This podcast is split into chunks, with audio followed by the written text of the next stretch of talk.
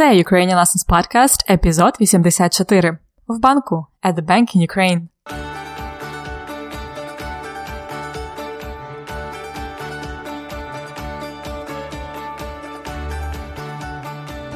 Доброго ранку, добрий вечір чи просто добрий день.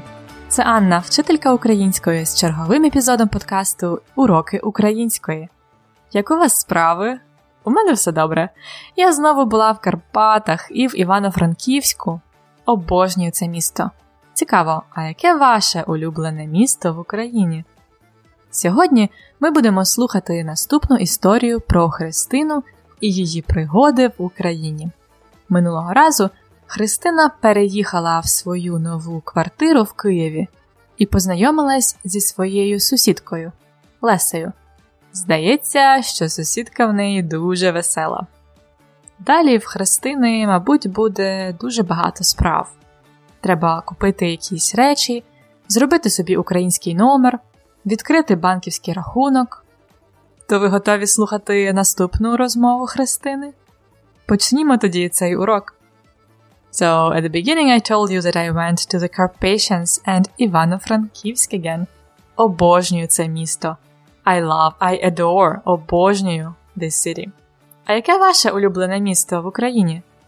I'm back to Kyiv now, so is Христина, our American hero of this season, who has just moved to her new apartment in Kyiv and met her roommate, сусідка Леся.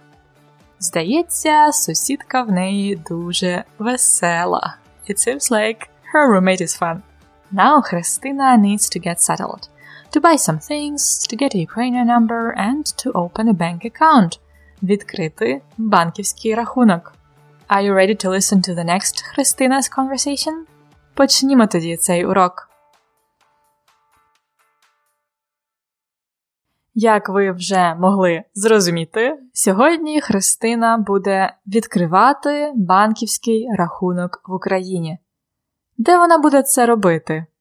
Звичайно, у банку. Банк у банку.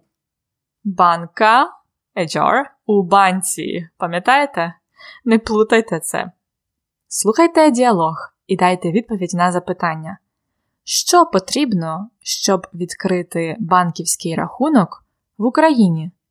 Що потрібно? What is needed? What do you need? Щоб відкрити in order to open банківський рахунок в Україні. A bank account in Ukraine. Що потрібно, щоб відкрити банківський рахунок в Україні? Слухайте і дізнайтеся. Вибачте, будь ласка, а де вхід в банк? Вам треба обійти цей будинок, і ви побачите його. Дякую. Добрий день. Відчинено? Так, так, добрий день. Як я можу вам допомогти?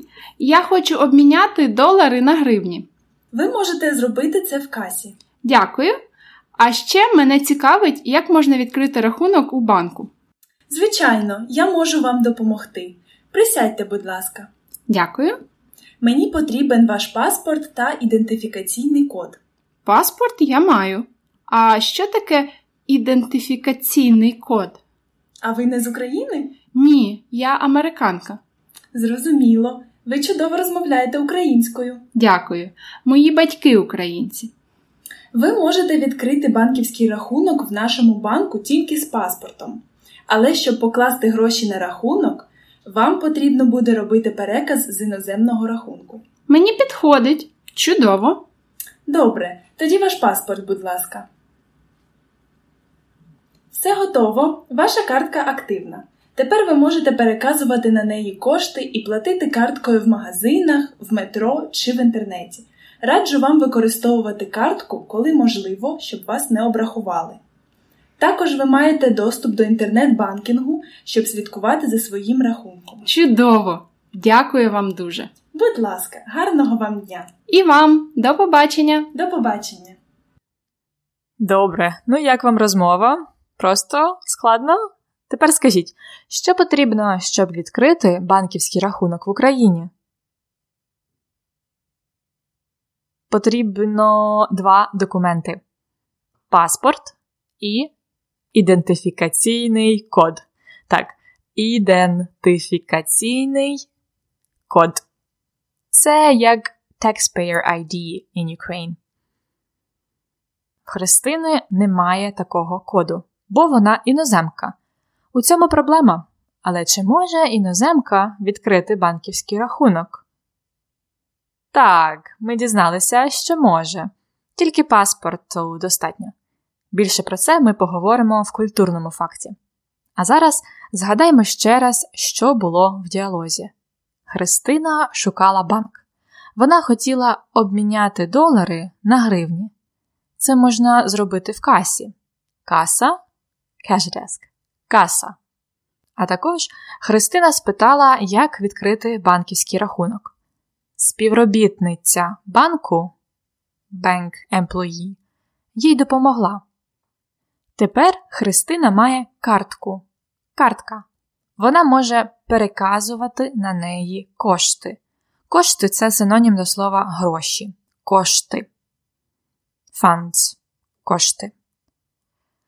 І вона може платити карткою в магазинах, в метро чи в інтернеті. Також вона має доступ access, до інтернет-банкінгу, щоб слідкувати to keep an eye on, to follow за своїм рахунком. Her account. Ось так. А тепер можемо трошки поговорити про префікси в цьому діалозі. Послухайте, будь ласка, ще раз початок. Вибачте, будь ласка, а де вхід в банк? Вам треба обійти цей будинок, і ви побачите його. Дякую. Обійти. Це дієслово від йти. Іти, ви знаєте. To go. Обійти має префікс об. Обі. Префікс об або обі означає часто moving around an object.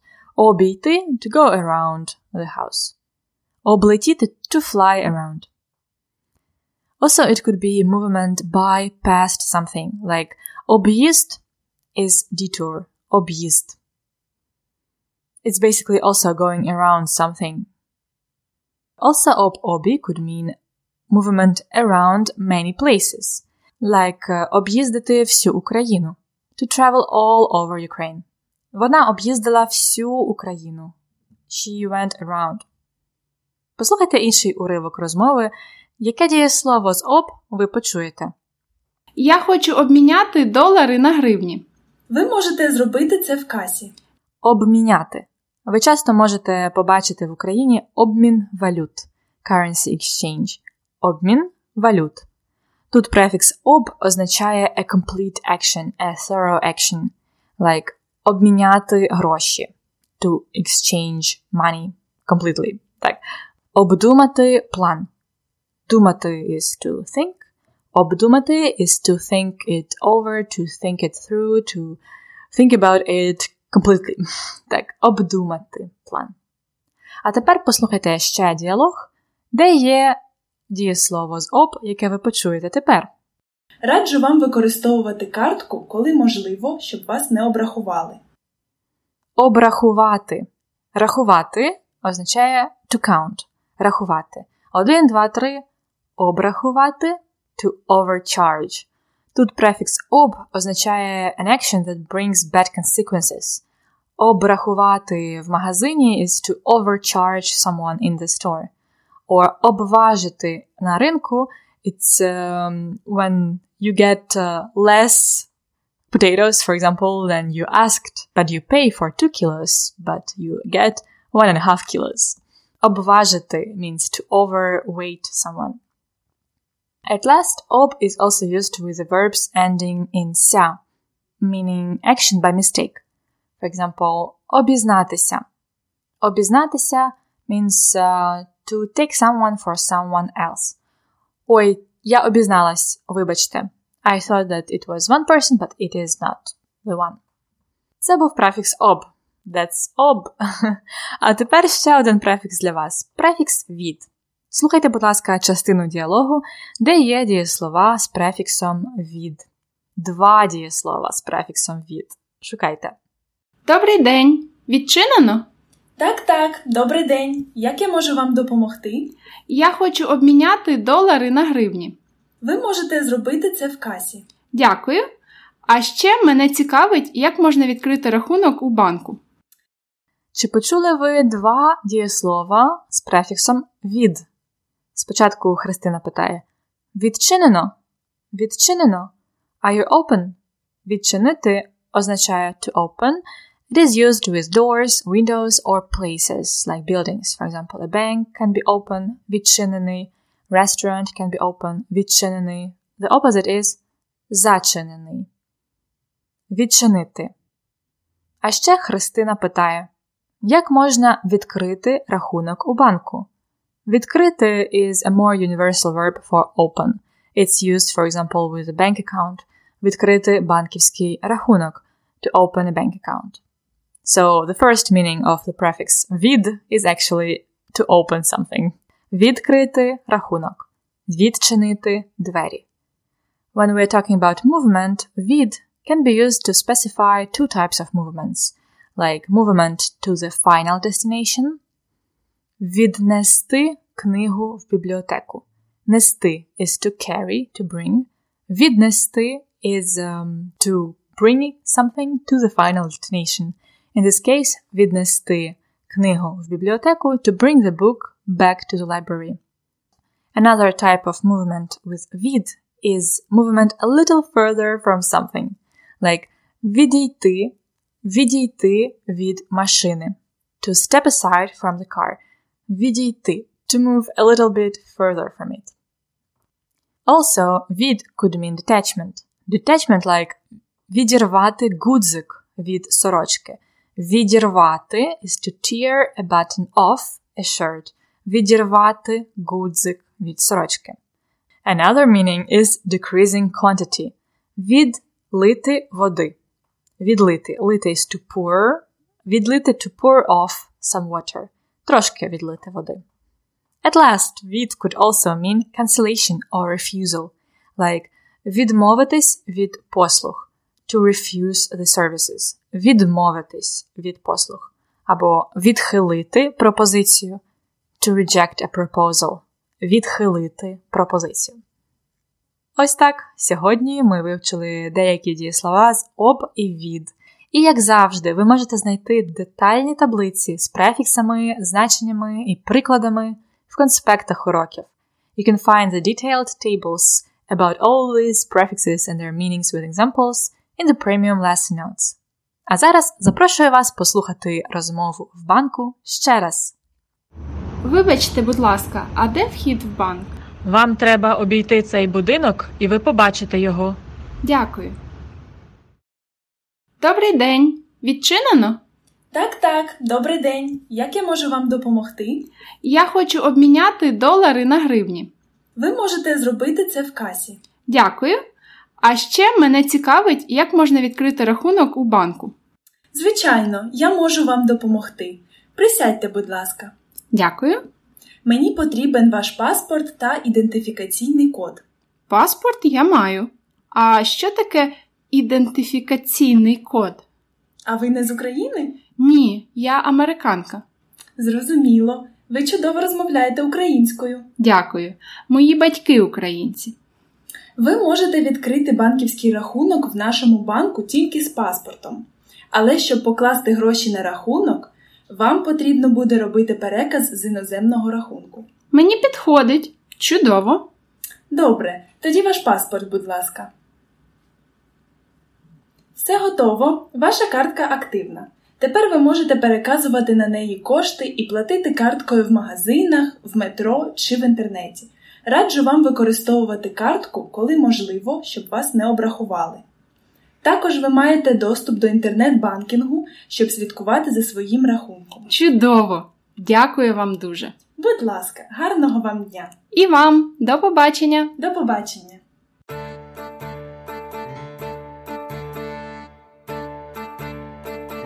Дієслово дня.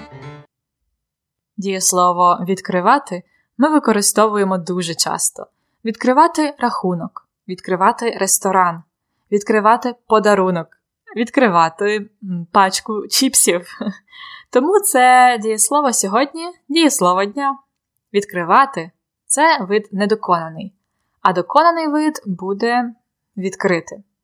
Я дуже довго відкривала пачку чіпсів, а він допоміг мені її відкрити. I was opening a pack of potato chips for a long time, and he helped me to open it. Very primitive example, but still. Я відкриваю. Ти що робиш? Відкриваєш. Він відкриває. Яка це дієвідміна? Це перша дієвідміна. Перша є, є. Тому ми відкриваємо. Ви відкриваєте. Вони відкривають. Відкривати означає to open, but also it could mean to reveal, to uncover, or to discover something, to make a discovery. For example, а що ви відкрили для себе в Україні? What have you discovered in Ukraine? Я відкрила для себе село Шишори в Івано-Франківській області.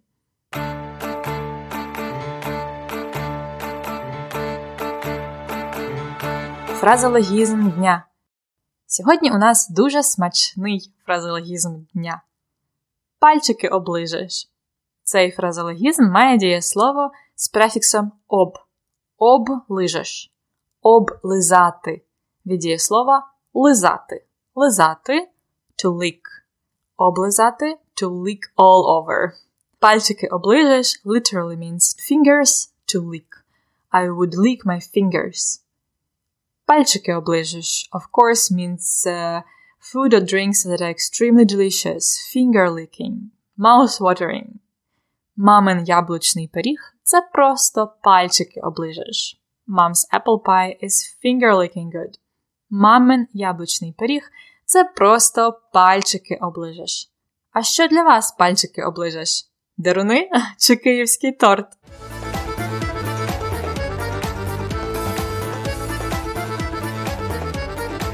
Культурний факт на подкасті. Як я і обіцяла, сьогодні ми поговоримо більше про те, як відкрити банківський рахунок в Україні. As promised, today we will talk more about how to open a bank account for a foreigner in Ukraine. Actually, it's very easy. Ukrainians to open a bank account need passport і ідентифікаційний код taxpayer ID. Foreigners need only passport and they can open an account. But in order to put money on that account, a foreigner will still need to make a transfer, зробити переказ або переказати кошти from his foreign account to the Ukrainian one. This is how you can use the money in Ukraine that you have already paid taxes for in your country. You cannot just put cash on your account.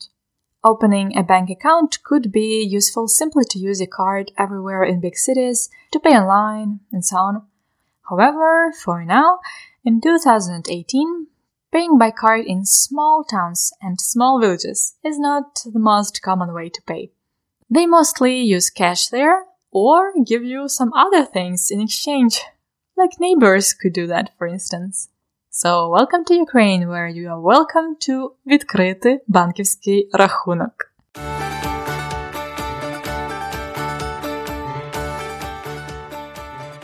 І на цьому ми закінчуємо сьогоднішній урок. Сподіваюсь, вам сподобалось. Тепер ви знаєте трошки про банки в Україні і про дієслова українською. Наступного разу на подкасті на вас чекає повторення a review. Ми будемо повторювати фразологізми та нові слова, які ми вивчили за останні 4 уроки. Так буде кожного п'ятого уроку. Тому обов'язково послухайте. А також не пропустіть додаткові матеріали additional materials, lesson notes with exercises, transcriptions, word lists, tables, and other goodies as a part of our premium membership. To find out more about the premium membership, go to ukrainianlessons.com slash episode 84. ukrainianlessons.com slash episode 84. До наступного уроку. Хай щастить!